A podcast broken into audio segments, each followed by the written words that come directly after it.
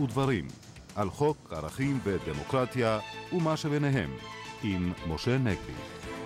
שלום לכם בצוות התוכנית, העורכת אורית ברקאי, המפיקה שולי כהן, הטכנאי קובי ראובני, כאן ליד המיקרופון, משה נגבי ואיריס לביא. האם יוזמות החקיקה של הממשלה שנועדו להחליש את כוחה של האופוזיציה בכנסת מסוכנות לדמוקרטיה שלנו? ומי, אם בכלל, יכול לבלום אותן? בכך נעסוק מיד. כיצד משפיע המשפט הבינלאומי על המאבק בטרור, והאם ניתן היה לגייסו לקידום שחרורו של גלעד שליט? על כך נדון עם אורחנו באולפן, הדוקטור דורי גולד, לשעבר שגרירנו באו"ם, וכיום נשיא המרכז הירושלמי לענייני ציבור ומדינה, ועורך הדין אהרון אברמוביץ', שהיה מנכ"ל המנכ"ל, הן במשרד החוץ, הן במשרד המשפטים. עורך דין אברמוביץ' יעלה כאן גם הצעה לרפורמה, שתחזק את מעמדם וסמכותם של המנכ"לים במשרדי הממשלה. נגיד בנק ישראל כפה את הדחת יושב ראש בנק הפועלים, אנו נדון עם אורחנו, עורך הדין מישל אוחיון, בלקחים שיכולים הבנקים וגם גופים עסקיים אחרים להפיק מהפרשה. 100 אלף שקלים סך הכל זהו הסכום שבו יפצה ערוץ 10, אזרחית שאותה חשף והגדיר כשמנה. באולפנינו, פרקליטה של האישה, עורך הדין רון לבנטל, שיסביר את ההשלכות העקרוניות של הפסיקה. אבל נפתח בהערה חוקתית בשולי העימות בין יושב ראש הכנסת לראש הממשלה על יוזמות החקיקה של הקואליציה שנועדו להחליש את האופוזיציה. משה. כן, נדמה לי שמגיעה מילה טובה ויישר כוח אה, ליושב ראש הכנסת רובי ריבלין, שבאומץ רב אה, מגן כאן אה, לא רק על האינטרסים של האופוזיציה, למרות שהוא כמובן איש הקואליציה, אלא אה, על הדמוקרטיה במדינת ישראל, פשוטה כמשמעה. בכך גם רובי ריבלין אה, מפגין, הייתי אומר, דבקות בדרכו של המנהיג המיתולוגי והדגול של תנועת החירות, מנחם בגין, שכבר לפני 60 שנה בקירוב מעל במת הכנסת, דיבר על כך שבמשטר שבו הממשלה, כמו אצלנו, יש לה רוב אוטומטי בכנסת, אסור בשום פנים ואופן שהיא תשתמש ברוב הזה כדי להחליש את המתנגדים לה בכנסת וכדי uh, להקל עליה להמשיך ולשרוד uh, בשלטון ולמנוע את העברת השלטון אה, לידי האופוזיציה, משום שבכך אמר אה, מנחם בגין, בעצם הממשלה מציבה את עצמה מעל החוק, מעל הדמוקרטיה, ובעצם עלולה לדרדר את המדינה ממשטר דמוקרטי למשטר עריץ. אולי אני אצטט את הדברים שאמר מנחם בגין, כמו שאמרתי, לפני 60 שנה בקירוב, ב-1 בפברואר 1950, הוא אמר, היום הממשלה עומדת מעל החוק, הן הרוב שישנו בכנסת איננו שולט בממשלה או מדריך אותה, אלא להפך, הממשלה מטילה את רצונה על הרוב. אם הממשלה רוצה, החוק מתקבל, אם היא רוצה בביטול החוק הוא מתבטל, והתוצאה היא, יש כאן כת שלטת העומדת מעל לכל חוק, משום שאין חוקה אה, שתגביל אותה. אני חושב שהדברים הם כמעט אה, מובנים מאליהם. אה, הרי הרוב בכנסת, שכידוע נתון לשליטת הממשלה, יכול באמת לחוקק גם חוק מחר שידחה את הבחירות, ועל ידי כך יאריך את כהונתה של הממשלה. הוא יכול אה, אה, למנוע מן האופוזיציה להסביר את עמדותיה, לסתום לה את הפה, ועל ידי כך הוא ימנע מן האופוזיציה סיכוי לזכות בבחירות. אנחנו יודעים שככה בדיוק דמוקרטיות גלשו למשטרים עריצים, ממשלות ניצלו את הרוב שלהם כדי לחסל את האופוזיציה. אני לא בא לטעון שהחוקים שכרגע מציעה ממשלת נתניהו הם קיצוניים עד כדי כך, אבל בהחלט יש בהם סממנים של פגיעה בסיכוי הסביר של האופוזיציה אה, להפוך לרוב. אני אביא דוגמה קטנה שאולי היה צריך להתעורר אליה אה, כבר בהתחלה, והיא הנושא הזה של אישור תקציב לשנתיים. כבר כאן נפגע עיקרון מאוד בסיסי של דמוקרטיה וזכות מאוד בסיסית של אופוזיציה בדמוקרטיה. דמוקרטיה אומרת שכל שנה ממשלה צריכה לקבל את אמון הפרלמנט בתקציב שלה. לקבל את אישור הפרלמנט לתקציב שלה. וזה היה סעיף שהיה מעוגן בחוק יסוד, חוק יסוד משק המדינה. והנה בא הרוב הדורסני בכנסת ופשוט דרס בקלי קלות את הסעיף הזה. גם כאשר אתה בא ואומר שמהיום אתה צריך לא 61 אלא 65 או יותר חברי כנסת כדי להפיל את הממשלה, אתה מנצל את הכוח של הרוב כדי להנציח את שלטונו. אה, גם כאשר אה, אתה בא ואומר שלאחר שממשלה הופלה בהצבעת אי אמון, היא תוכל בנסיבות מסוימות להמשיך לשלוט, ולא יהיו בחירות שייתנו הזדמנות האופוזיציה להוכיח שהיא הרוב. עוד פעם, אתה נוהג בעריצות, זוהי בדיוק עריצות הרוב שמסוכנת לדמוקרטיה, שמפניה הזהיר אה, מנחם בגין, וחבל שרק רובי ריבלין זכר את דבריו של בגין, ואילו בנימין נתניהו, שגם הוא התחנך על אה, תורתו של בגין ועל משנתו של בגין, כנראה אה, שכח את הדברים. רון לבנטל רוצה אולי להגיד משהו, כן, כמי שהיה רק... איש... אה, איש של אה, אופוזיציה, נכון? אפילו כן, יחיד. כן, אני, אני היה לי הכבוד להיות איש אופוזיציה בודד אחד מול 30 חברי מועצה בעיריית תל אביב. הייתי יחידי ששואל שאלות, כולם הצביעו כפה אחד. אגב, בעיריות, מה שאתה מתאר, משה, הרבה יותר חמור. שם בכלל ראשי עיר ישר מקימים אה, קואליציה, ואף אחד לא מבין את האיש הבודד או השניים שנשארים באופוזיציה. אגב, זה היום המצב בעיריית ירושלים, גם יש אופוזיציה של איש אחד. אני פעם אחת נאלצתי להתעכב, והגעתי לישיבה שהתחילה בארבע, בארבע ועשרים. וכשבאתי ראיתי את כולם הולכים, אז אני שואל אותם בתימהון, מה, אה, אין היום ישיבה? אמרו לא, היא כבר הסתיימה. כי הסכימו על הכל. פשוט הסכימו על הכל. עכשיו, הדברים שמשה מדבר עליהם, הנזק שלהם מעבר להומור, הוא מאוד, מאוד גדול, משום שהם בלתי הפיכים. זאת אומרת, פעם אחת, אה, כשנותנים את החוקים האלה, המקשים על האופוזיציה, אין שום אינטרס ל... ל הממשלה הבאה לשפר את המצב. אף, אף ממשל לא מחליש את עצמו לעומת האופוזיציה. כלומר, הדברים האלה הם למעשה בלתי הפיכים. לדוגמה, אני חושב שאחת ההצעות כאן הייתה להקשות על הצעות של, בקריאה טרומית. במקום שיצטרכו, אה, נדמה לי, 50 אה, אה, תומכים, צריכים עכשיו 60 תומכים. עכשיו, בממשלה יושבים הרבה מאוד אנשים, ממשלה ענקית של 30 ומשהו שרים, וסגני שרים זה עוד שבעה אני חושב, וכל האנשים האלה בכלל לא מחוקקים הצעות חוק. כי הם חלק מהממשלה והם לא רוצים להקשות עליה. הסיכוי שמישהו יחוקק הצעות חוק זה רק מה, מהאופוזיציה, ועליהם עכשיו יקשו שכל אה, הצעה שלהם, אפילו הצעה לגבי אה, אה, צער בעלי חיים או הצעה אחרת, דורשת 60 קולות עכשיו. אז בכך החלישו מאוד את האפשרות... זה בעצם משתק כמעט את יכולת לא החיקוק. אני, רוצה, אני רוצה לומר עוד נקודה. יש פה עוד בעיה. כולנו התחנכנו על המשפט, אה, כוח נוטה להשחית, כוח מוחלט משחית לחלוטין. עוד פעם, ממשלה ששולטת בכנסת ומרשה לעצמה לעשות הכל, בעצם הכוח שלה הופך להיות מוחלט ויש פה פוטנציאל של השחתה. והדוגמה להשחתה זה בדיוק אותו חוק שמכנים אותו בצדק או שלא בצדק חוק מופז. כי מה בעצם רוצים להכשיר פה? רוצים להש... להש... להכשיר פה שוחד פוליטי. ש... ש... שיציעו למופז ולאחרים אולי בליכוד משרות בממשלה, ותמורת זה הם יבגדו במנדט שהם קיבלו בבוחרים שלהם, שלא בחרו בנתניהו. בחרו אבל בקדימה. אבל רון כבר אמר קלנטריזם היה. כבר אה, מאז כן, ומעולם. קלנטר, כן. בעיריית כן. חולון ירושלים. תל אביב, ירושלים, ירושלים. ירושלים. אנשים חושבים שאני אומר לא, אבל צריך... שזה מילה כמו סוציאליזם או פשיזם בינלאומי. לא, כן, אבל לא רק, לא רק קלנטריזם היה, היה תרגיל מסריח ב-1990, שאנחנו זוכרים שפרס מצד אחד ושמיר מצד שני קנו חברי כנסת זה מזה וניסו לקנות אותם במשרות, ובעקבות זה, רבותיי, אנחנו שכחנו, בעקבות זה ב-1992 חוקקו את החוק שעכשיו רוצים לבטל, שאומר שאם אין לך שליש מסיעה אתה לא יכול להתפלג, או ליתר דיוק, אם אתה מתפלג או פורש, אתה לא יכול לקבל לא משרות בממשלה וגם לא מקום ברשימה בבחירות הבאות. רצו למנוע את השוחד הפוליטי הזה, ועכשיו רוצים לנצל את הכוח של הרוב כדי להחזיר אותו. אבל מה המסקנה מכל זה? ואני חוזר שוב לבגין. בגין אמר כבר ב-1950, הבעיה היא שאין לנו חוקה. הבעיה היא שאין לנו חוקה, כי חוקה הייתה מונעת את זה. ויש פה לקח לכל אותם אנשים שרוצים לשלול מבית המשפט את הסמכות לפסול חוקים, וגם רוצים שבית המשפט יהיה בית משפט פוליטי, שמענו בית משפט לחוקה, שיהיו בו גם אה, פוליטיקאים וכולי. הרי ברור שהגורם היחיד שיכול למנוע חקיקה כזאת בטווח ארוך, פה שיבחתי את רובי ריבלין, אבל רובי ריבלין לכל היותר יכול לדחות את זה למושב הבא וכולי, הרי בסופו של דבר הרוב הדורסני בכנסת יוכל להעביר את החוקים האלה אם הוא ירצה.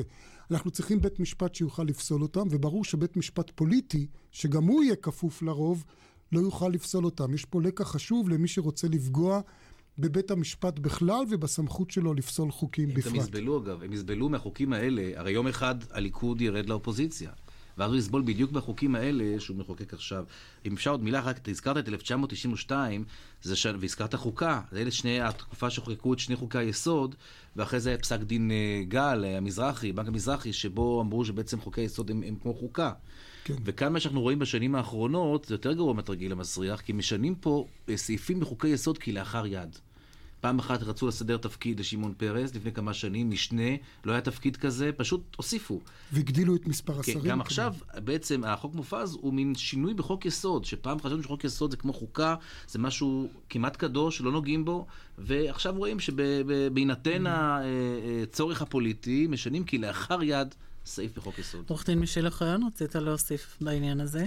כן, אני רוצה לנסות לעשות אולי את ההקבלה מהמשחק הפוליטי למשחק בדיני חברות, ולהתנתק רגע מהמשחק הפוליטי, כי בפוליטיקה אני לא מתמצא עד כדי כך. אני חושב שאם אנחנו מנסים לעשות את ההקבלה, אפשר לומר שהעם הם בעלי המניות, הדירקטוריון היא הכנסת, וההנהלה זו הממשלה. יש חקיקה חדשה, והחקיקה הזאת מופיעה כבר בדיני החברות אצלנו, שדורשת ממי שהוא בעל השליטה רמה גבוהה יותר של התנהלות גם במישור העסקי. אם אתה מבקש מכל אחד לפעול בתום לב, לגבי בעל שליטה אומרים, עליך לפעול בהגינות. ונדמה לי, תקן אותי אם אני טועה, עורך דין אוחיון, שדיני החברות בפירוש אוסרים על מה שנקרא עושק המיעוט. בוודאי. כלומר, הרוב לא יכול אה, לפגוע בזכויות של המיעוט. בוודאי. עד כאן בנושא הזה. השבוע ימלאו שלוש שנים לשביו של גלעד שליט. יש לכך גם אה, היבט משפטי, משה, ואתה רוצה להצביע כאן על עוול נוסף מלבד שביו של אה, ההיבט גלעד. המשפטי הוא כמובן שגם מולאות השבוע שלוש שנים לפשע המלחמה הנורא שמתבטא בכך שאין מאפשרים לגלעד שליט אה, להיפגש עם נציגים של הצלב האדום. אין מאפשרים לו אה, לקיים קשר סדיר ושוטף עם משפחתו, קשר מכתבים, הוא צריך לסמוך על זה שפעם בשנה או יותר מישהו יואיל להעביר לו מכתב דרך ג'ימי קרטר, ואנחנו לא יודעים בדיוק אם המכתב מועבר או לא מועבר אה, וכולי.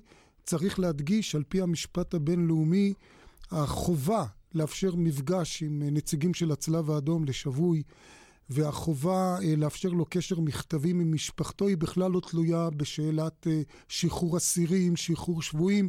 זו חובה שבלתי תלויה בכל הנושאים האלה. ואם יורשה לי לומר, איריס, ואני אומר את זה לא בפעם הראשונה, יש לי תחושה קשה שמדינת ישראל לא מספיק נאבקה בנושא הזה של מיצוי הזכות המשפטית שלו להיפגש עם נציגי הצלב האדום. באופן טבעי התמקדו במאמץ לשחרר אותו, וזה כמובן חשוב יותר מכל, אבל נדמה לי שכולנו מבינים איזה הבדל גדול ואיזה שיפור גדול היה אה, במצבו הנפשי, במצבו הבריאותי, וגם כמובן במצבם של הוריו ובני משפחתו, אילו היה מתקיים אותו מפגש עם הצלב האדום ואותו קשר עם הצלב האדום, והייתי אומר שעוד לא מאוחר מדי להיאבק גם על הנושא הזה ולהוקיע את פשע המלחמה הזה. עורך דין אהרון אברמוביץ', נזכיר, היית גם מנכ"ל משרד המשפטים, גם מנכ"ל משרד החוץ. ניסיתם אה, להיאבק בנושא הזה? אני חושב שההערה שלך היא הערה נכונה. אני מסתכל היום בראייה לאחור, ואני חושב שאכן הערה נכונה. אה, אנחנו לא עשינו את זה, ואולי במחשבה לאחור ייתכן והיינו צריכים לעשות יותר. לא נעשה בעיקר מסיבות פרקטיות. Uh, הייתה תחושה ואמונה שאי אפשר יהיה להשיג בעניינים האלה שום דבר מצלב האדום, כיוון שהחמאס לא יענה לבקשות או לפניות של הצלב האדום לתת או לאפשר ביקור אצל גלעד שליט. אבל אני חושב שהיום, שכן היינו צריכים לעשות את זה ולהמשיך וללחוץ גם בקהילה הבינלאומית, גם במוסדות של הצלב האדום, גם אולי לארגן את דעת הקהל בעולם בכיוון הזה. ויכול להיות שגם אם לא היינו מצליחים בהצלחה מיידית, יכול להיות שלאורך זמן היינו יוצרים איזושהי אה, מודעות לכך שיש צורך לאפשר ביקור לשבוי ישראלי או לחייל ישראלי שנתפס בידי אה, מחבלים. כן, בבקשה, אנחנו רוצים uh, לשאול אותך, דוקטור דורי גולד, uh, עם uh, ניסיון באמת דיפלומטי ו- ותקשורתי רב, איך אתה רואה את הדברים? יש לנו נטייה להידבק לאמנות בינלאומיות באופן פורמלי, ולראות באמנות שרלוונטיות לשבועי מלחמה, שהם שייכים או חלים על מדינות. במקרה הזה יש לנו ארגון טרור כמו חמאס. אז מה עושים? אז בדרך כלל לא, לא עושים שום דבר. להערכתי יש הרבה שאפשר לעשות, כי אם מדובר בהפרה של uh, אמנה בינלאומית לגבי הסטטוס של שבויים, בהחלט אפשר לפעול נגד יחידים כאשר חדד מה שהמבקר במדינות שונות, או אנשי חמאס אחרים, להגיש, או המדינות, או... להגיש נגדם תלונות. בהחלט, או מדינות שתומכות בחמאס. ובוא נזכיר שאנחנו, למרות שמדובר בארגון טרור, אנחנו מאפשרים ביקורים של הצלב האדום אצל עצורים מהחמאס אצלנו. זה בהחלט נכון. יש שאלה של הדדיות, אבל אני חושב שאפשר לפעול הרבה יותר, בצורה הרבה יותר נחרצת, נגד האנשי חמאס שמבקרים בכל העולם. אנחנו מגיעים, דרך אגב, זה נושא אחר, לאירוניה מסוימת. הם יכולים להסתובב בכל העולם, ואלופי צה"ל שמבקרים בספרד או אנגליה... מיד נגיע לזה. כן, יש לנו בעיה. אבל צודק כן. משה שלא מאוחר. אני חושב שהעניין הזה עוד אפשר לעסוק בו. לצערנו, גלעד שליט נמצא בשבי בידי החמאס, ואפשר לנסות להפעיל את הקהילה הבינלאומית, ללחוץ גם על הצלב האדום וגם על החמאס. וכדי ליצור את המודעות לעניין הזה ולהביא אולי לשינוי מסוים, גם אם זה לא יקרה עכשיו מיידית, לאורך זמן, זה יכול להשפיע. אבל בינתיים, כמו שכבר uh, הזכרת, דוקטור uh, גולד, uh, דווקא ישראל מואשם בפשעי מלחמה, ובאמת אנחנו רוצים קצת לדבר על ההתמודדות של, עם האיום, למשל, במדינות שונות לשפוט ישראלים בחו"ל. אולי אתה עורך דין אהרון אברמוביץ', כאמור, גם מנכ"ל משרד החוץ וגם משרד המשפטים בעבר, איך התמודדתם, למשל, בכהונתך עם זה. כן, אנחנו עסקנו בזה לא מעט, לצערי הרב, כיוון שהתופעה של ניסיון להעמיד ישראלים לדין היא לא תופעה חדשה, היא נמשכת כבר כמה שנים, וישראלים שמבקרים בחו"ל עם אנשי צבא לשעבר, היה, היה חשש לעצור אותם. ונאלצנו לפעול בעניין הזה. הפעילות הייתה פעילות uh, משולבת, גם פעילות uh, משפטית באמצעות הכלים המשפטיים שנמצאים בידי uh, משרד המשפטים, גם באמצעות uh, משרד החוץ והכלים הדיפלומטיים. אז זה מה, מתגוננת? ש... פעילות... Uh... בעיקר קודם כל ללמוד את הסוגיות בעולם, לדעת בכל אחת ממדינות העולם איזה דינים חלים. האם ישנה סכנה לישראלי לא לעמד לדין, כדי להתריע בפני ישראלי שאמור לצאת לארץ מסוימת שהוא נמצא בחשיפה. מבחינת המערכת הבינלאומית ללחוץ על מדינות שונות שמפעילות שיטת חקיקה כזאת, לשנות את השיטה אצלם, כמו שנעשה כיום לגבי ספרד. אבל כאן יש גם הרבה מאוד אה, מקום לפעול בארגונים בינלאומיים, ארגונים בינלאומיים שהם Non-Government Organization, NGOs, שיכולים להשפיע גם בנושא הזה.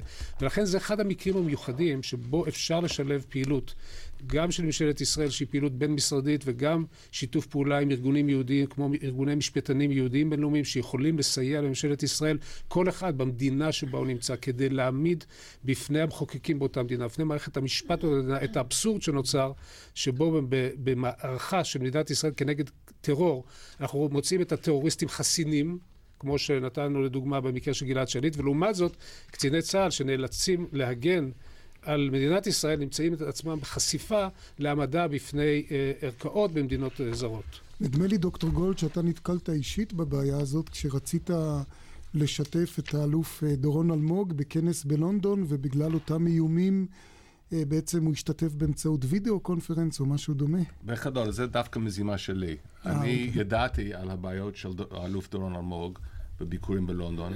ואנחנו רצינו לשתף את האלוף אלמוג בכנס שארגנו ובשביל חברי הפרלמנט הבריטי. uh, באמצעות uh, השתתפות uh, דרך הוידאו, אבל צריכים גם להבין איך כל זה עובד. זה לא פתאום שעכשיו שונאים את ישראל באנגליה או בספרד או בבלגיה.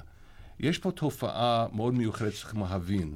יש כאן מצב שבו uh, uh, ארגונים לא ממשלתיים, בעיקר ערביים, uh, פונים נגיד בית משפט באנגליה, ואומרים, הנה מגיע אלוף ישראלי לאנגליה, וצריכים להעמיד אותו לדין.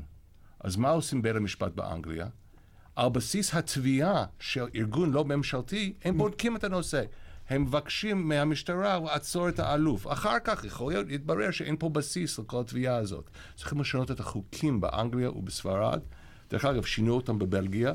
כדי שארגונים שונים, בעיקר הם גם לא ארגונים בריטיים, לא יכולים לנצל את החוק uh, של שיפוט אוניברסלי. טוב, צריך כאן רצון של ממשלת בריטניה. כן, אבל לא, יש, יש, יש רצון של מחוקקים בריטיים, אני יודע שזה קיים בספרד, לשנות את החוק, שלא ינצלו את החוק הבריטי או החוק הספרדי נגד ישראל בצורה כל כך בוטה. Uh, בוטה כן. אולי אה, אה, אני רוצה לעבור לנושא אחר. אה, היום אתה נשיא המרכז הירושלמי לענייני ציבור ומדינה, ואתם ארגנתם בשבוע שעבר כנס מאוד מעניין לטעמי על אה, מידת ההתאמה, ובעיקר חוסר ההתאמה של המשפט הבינלאומי, דיני המלחמה שהזכרנו קודם, ורמזת על זה כבר לעידן הזה של מלחמה בטרור, שבו בעצם האויב המרכזי הוא לא מדינה שיש לה כתובת ברורה, אלא ארגוני טרור ואזרחים שמעורבים בלוחמים וכולי. אה, אה, מה בעצם הייתה המסקנה העיקרית שעלתה מהכנס שלכם? צריך לשנות את האמנות הבינלאומיות? צריכים בהחלט לפתח את המשפט הבינלאומי כדי להתמודד עם המלחמות החדשות, שהן אינן דווקא מדינות, אה, או מלחמות בין מדינות.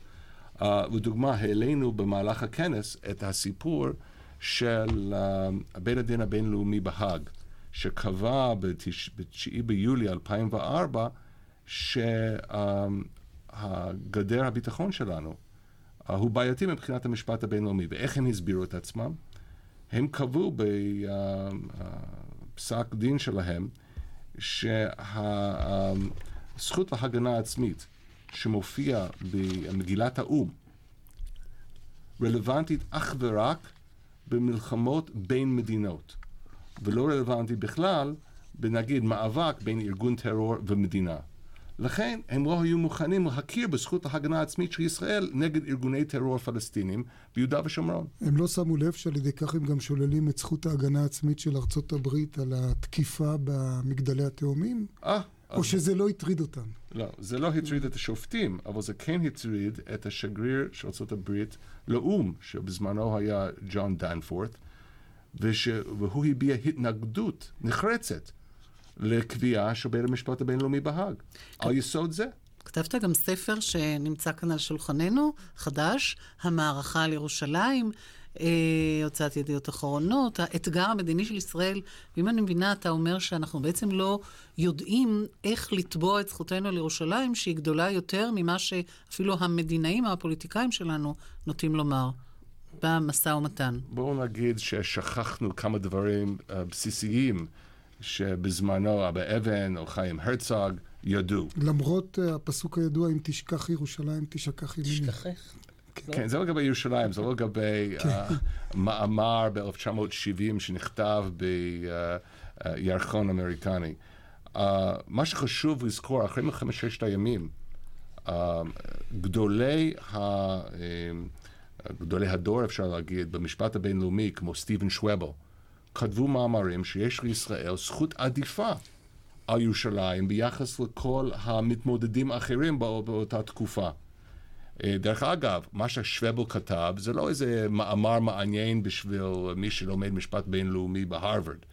דווקא שוואבל התקדם בקריירה שלו אחרי 1970, הוא הפך להיות היועץ המשפטי של משרד החוץ הבריטי, אה, האמריקאי, ולאחר מכן נשיא בית המשפט הבינלאומי בהאג. אז... כלומר, הוא... אמירות שנאמרו, שהן לא חוקים או תקנות או שום דבר שמבוסס, אלא רק אמירה או אה, הגיגים אה, פוליטיים הם יכולים להיות בסיס לתביעות. או אפילו הגיגים משפטיים. או זה, אפילו הגיגים משפטיים. אם מסתכלים באמנה של בית המשפט הבינלאומי בהאג, אחד המקורות של המשפט הבינלאומי הוא המאמר, או, או, או, המקורות כוללים את המאמרים של גדולי הכתיבה במשפט הבינלאומי. זה בהחלט מקור לגיטימי, ופסקי דין או החלטות של בית המשפט הבינלאומי או כל בית משפט אחר בעולם. אבל אתה רואה סיכוי ריאלי בתור אדם שגם לא עסק רק באקדמיה, היית שגריר ישראל באו"ם, אתה מכיר את הזירה הבינלאומית, אתה רואה סיכוי ריאלי שהעולם יקבל שירושלים תהיה ישראלית בלבד? הרי אנחנו יודעים שמ-1947 הקהילייה הבינלאומית לא מוכנה לקבל את הגרסה הזאת, וגם ממשל ארצות הברית עד היום הרי אנחנו יודעים שהשגריר האמריקאי לא מוכן, ארצות הברית עוד לא מוכנה, למרות כל מיני החלטות בקונגרס, שהשגרירות האמריקאית תהיה אפילו במערב ירושלים, לא רק במזרח ירושלים. קודם כל הם קנו אדמות. כן. אבל מעבר לזה, מעבר לזה, צריכים לזכור שאתה קודם כל צריך לבנות uh, ברית פוליטית עם הידידים שלך, אתה צריך להיות פעיל, אקטיבי. אז לדוגמה, ב-1995 הקונגרס חקק חוק מיוחד להעביר את השגרירות. בין היתר, החוק הזה הכיר בזכות של ישראל וירושלים מאוחדת, ריבונות ישראלית בכל ירושלים. אם יש לך גיבוי של הסנאט האמריקני בבית הנבחרים, זה בכל זאת משהו שאי אפשר להתעלם ממנו. אהרון אברמוביץ', גם הבת שלך כמי שהיה מנכ"ל משרד החוץ ומשרד המשפטים? אה, הנושא של אה, ירושלים לא נידון במשא ומתן אה, בתקופה האחרונה שנעשה בעקבות תהליך אנפוליס. ממשלת ישראל אה, לא הסכימה לנהל משא ומתן בסוגיית ירושלים. חשיבות ירושלים הייתה ברורה לכל מי שהיה קרוב לשולחן המשא ומתן עם הפלסטינים. ולכן אם נאמר פה שאם תשכח ירושלים תשכח ימיני, אף אחד מאלה שניהלו משא ומתן לא שכח את ירושלים בתקופה האחרונה. אה, אין ספק אבל אה, שמה שאמרת, משה, הוא נכון, כיוון שבקהילה הבינלאומית אה, הראייה של ירושלים ופתרון הסוגיה של ירושלים הוא שונה מאוד ממה שאנחנו הישראלים רוצים ועל מה שאנחנו מוכנים לנהל משא ומתן. הראייה בעיקר באירופה וגם בארצות הברית היא ראייה שונה לצערי הרב. והם רואים את פתרון המחלוקת בין הפלסטינים, כולל גם חלוקה בירושלים, כולל גם סוגיות שקשורות אה, להר הבית, דברים שאנחנו בתקופה האחרונה לא, לא הסכמנו להם, אבל זאת, זו סוגיה שתחזור אם יתנהל משא ומתן בעתיד. נסתפק בדברים האלה בשלב הזה. אנחנו עוברים עכשיו לעדכון החדשות, שבע וחצי, ליאור הגושן באולפן, בבקשה.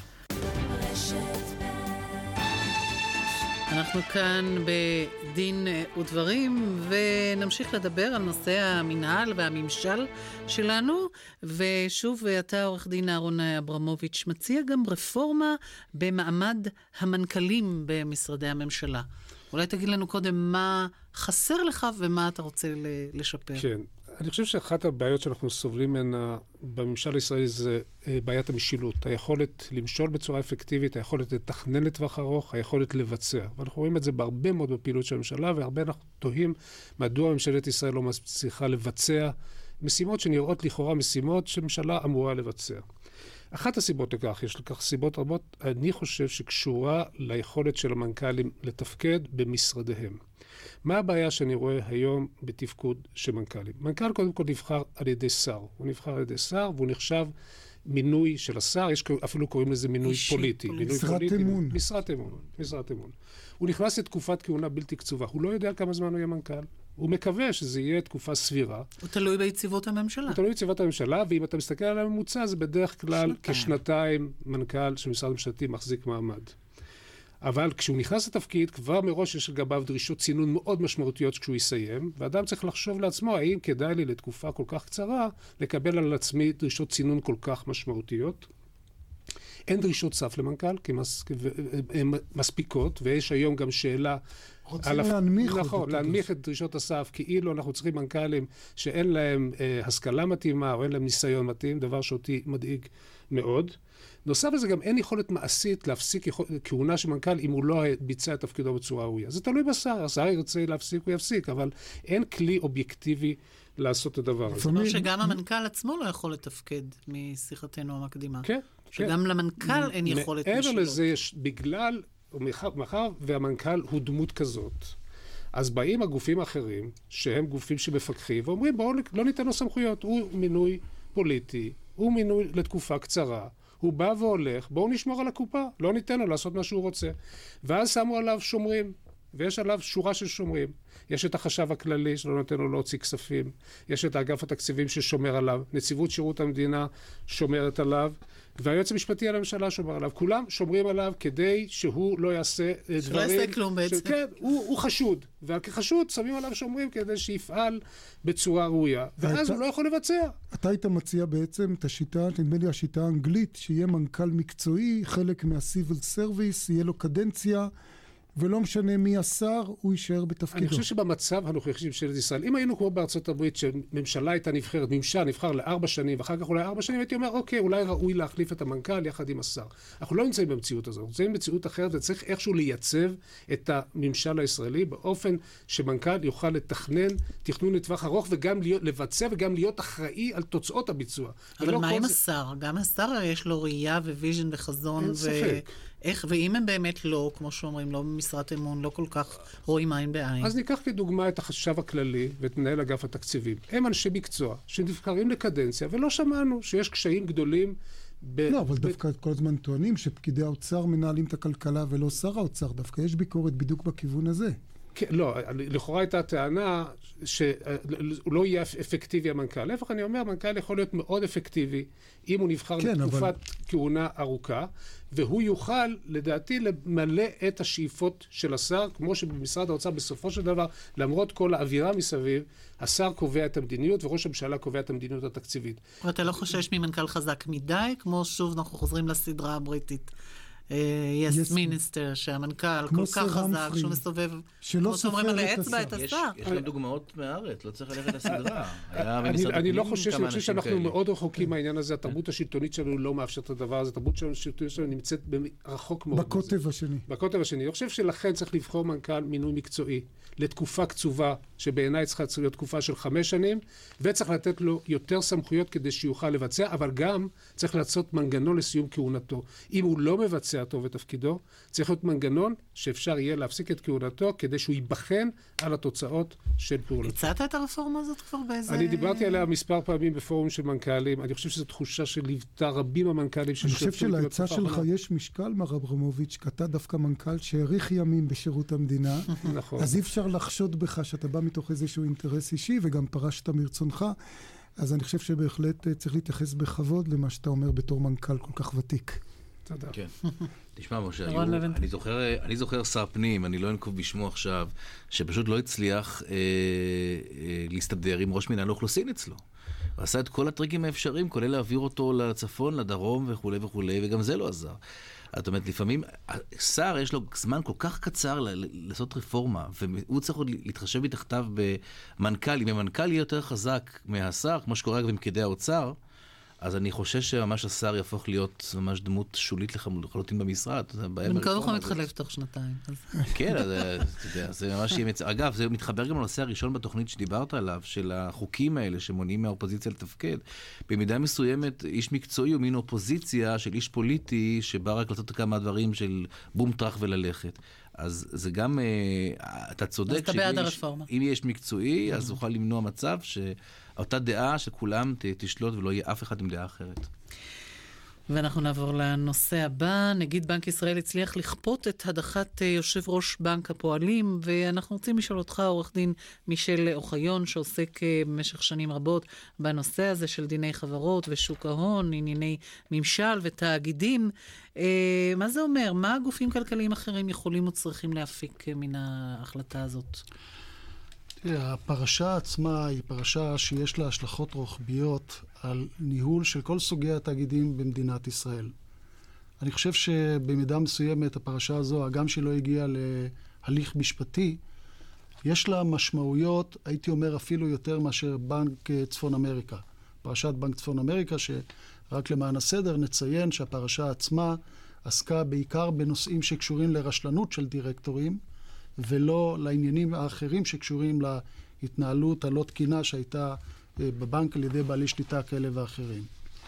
אני חושב שלפרשה עצמה, ואני כרגע אה, רוצה לנתק את זה מהנושא הספציפי של בנק הפועלים ולהשליך את זה על אה, התנהלות של גופים עסקיים גדולים, יש השלכות במספר מישורים. במישור של הדירקטורים, במישור של בעלי השליטה, עסקנו בזה מקודם, במישור של המנכ"לים עצמם, והייתי אומר... אולי נתחיל באמת מהדירקטורים. נדמה לי, פה הדיחו את יושב ראש הדירקטוריון, אבל במובן מסוים גם נספו בדירקטוריון עצמו, כי אמרו, אתם בעצם הייתם חותמת גומי, אתם לא מילאתם את תפקידכם לבדוק באמת את מי ממנים למנכ"ל, לא ביקרתם מספיק את ההחלטות.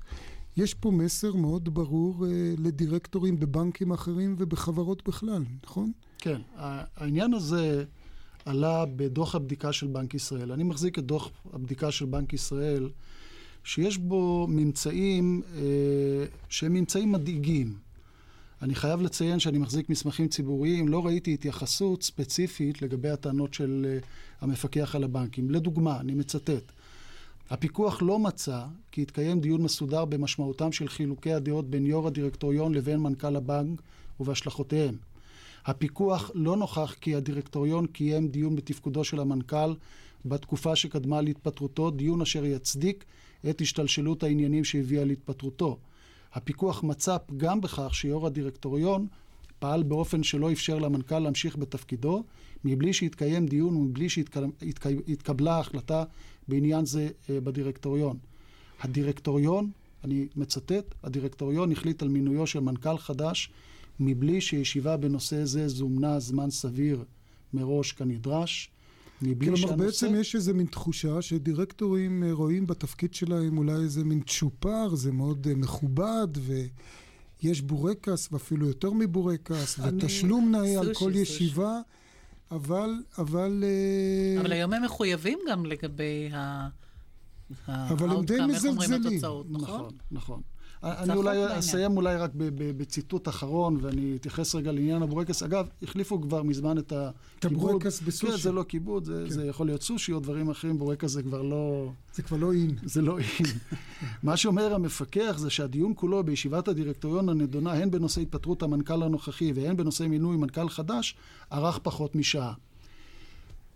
זו בעיה. זה אפילו פחות מהזמן של ישיבת המועצה בעיריית תל אביב, כן. כן, כן זו כן. בעיה משום שכאשר אנחנו עוסקים במה שקרה למשל בשיטה האמריקאית, אה, ישנו פסק דין מאוד מפורסם שכל סטודנט למשפטים מכיר אותו, פסק דין בשם ואן גורקום, שבית המשפט אמר, לא יכול להיות שתדונו בנושא כל כך מהותי בפרק זמן כל כך קטן, מבלי שנתתם לאנשים להתכונן לדיון.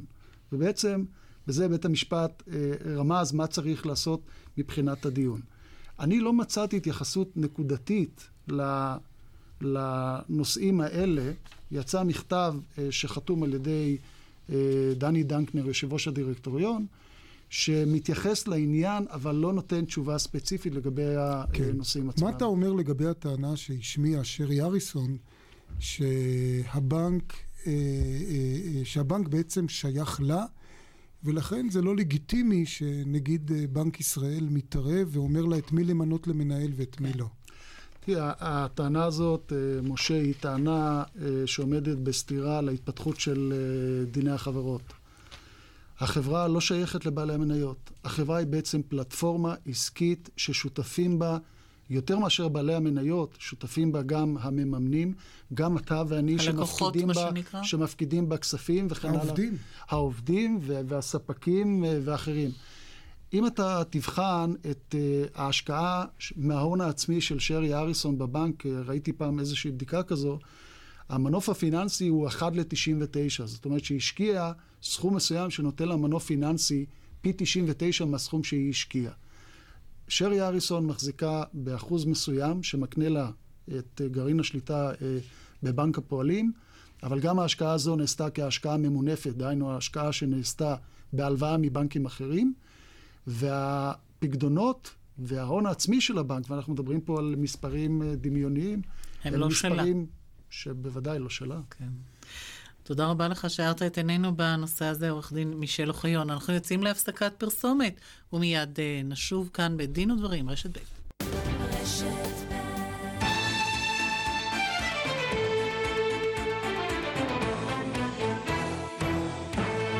בנושא הבא, האם הצגתו של אדם כשמן אה, זו דיבה?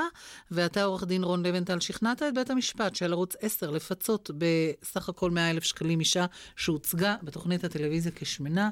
ספר כן. לנו את כל הנתונים. זה לא שהוצגה כשמנה, הראו אותה הולכת ברחוב, לצידה כמובן אנשים רזים. והם קטועים, את הפרצוף שלהם לא רואים כי היא נמוכה יותר, אותה רואים היטב, ודיברו ברקע, ב voice over, במה ששומעים, דיברו על מגפת ההשמנה. וכאשר קישרו אותה אל מגפת ההשמנה, בזה נוצר לשון הרע, לא בזה שהיא...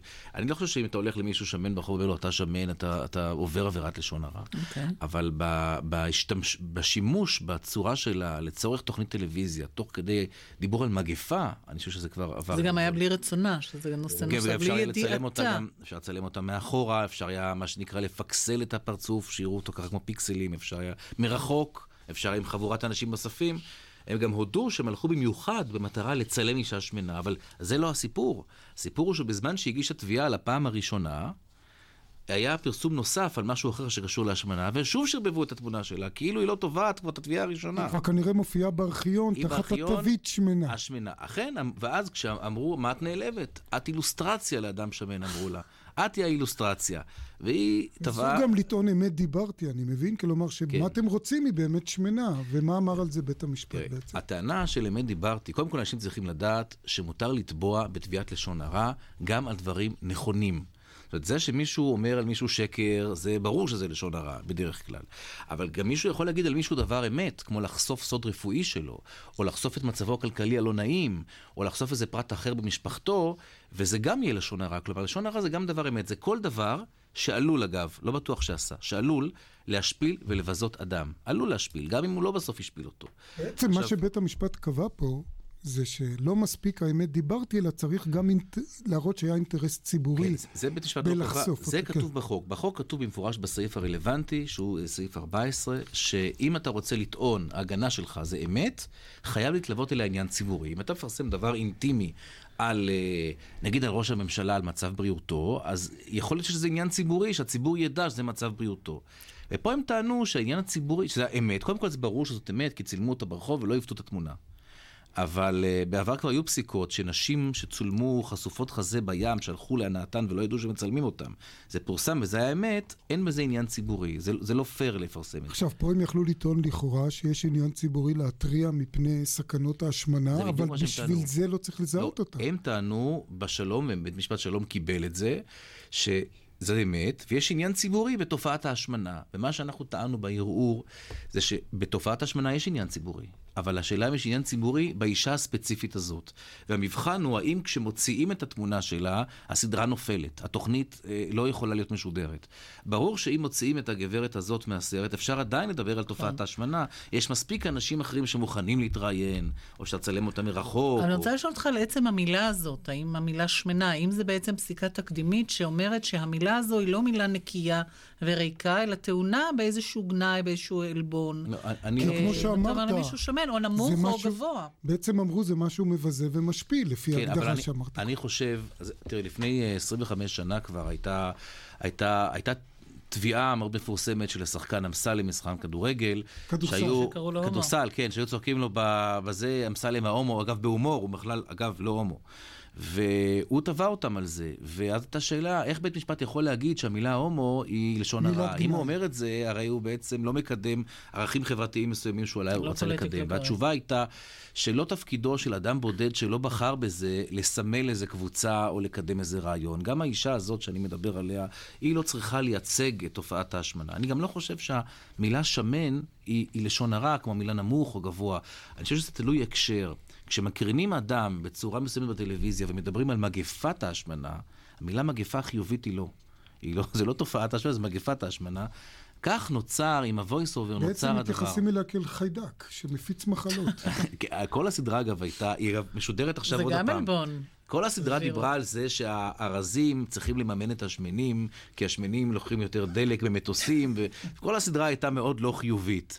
אבל uh, זה באמת עבר את הגבול, ובמיוחד הרי יש, יש אחת ההגנות בלשון הרע, גם חוק הגנת הפרטיות אגב, שני החוקים האלה הם מתאימים כן. כאן.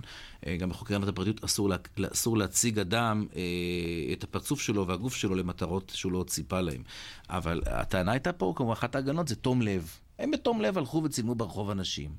אז מילא על הפעם הראשונה, הפעם השנייה, שבה הקרינו אותה, שלפו אותה מארכיון והכניסו אותה לשידור, בוודאי היא לא, היא לא נגועה בתום לב. אז היא קיבלה 60 אלף שקל ועוד אה, הוצאות משפט, ו... 25 אלף שקלים. עכשיו היא ו... יכולה לאכול בארוחה טובה, ככה. ארוחה נעימה. תיזהר, תיזהר. אבל אני... אבל כן, בוא נזכור רגע, פסק הדין הוא של בית המשפט המחוזי, נכון. תיאורטית, הם יכולים לבקש רשות לערער לעליון. רשות ערעור ולערער, אה, לא הרבה פסיקות מגיעות לעליון של לשון הרע, רובן מסתיימות בשלום, זה נדיר שהגענו למחוזי. נסתפק בדברים האלה. תודה רבה לך, רון לבנטל, ולכל אורחינו, הדוקטור דורי גולד, עורכי הדין אהרון רבמוביץ', מישל אוחיון ורון לבנטל, עורכת התוכנית אורית ברקאי, מפיקה שולי כהן, הטכנאי קובי ראובני. באולפן היינו משה נגבי ואיריס לביא. ניתן להאזין לנו גם באתר רשת ב' באינטרנט. נשוב בשידור חי של דין ודברים ביום ראשון הבא. אחרינו התוכנית קרובים רחוקים. ערב טוב, להתראות. תודה רבה.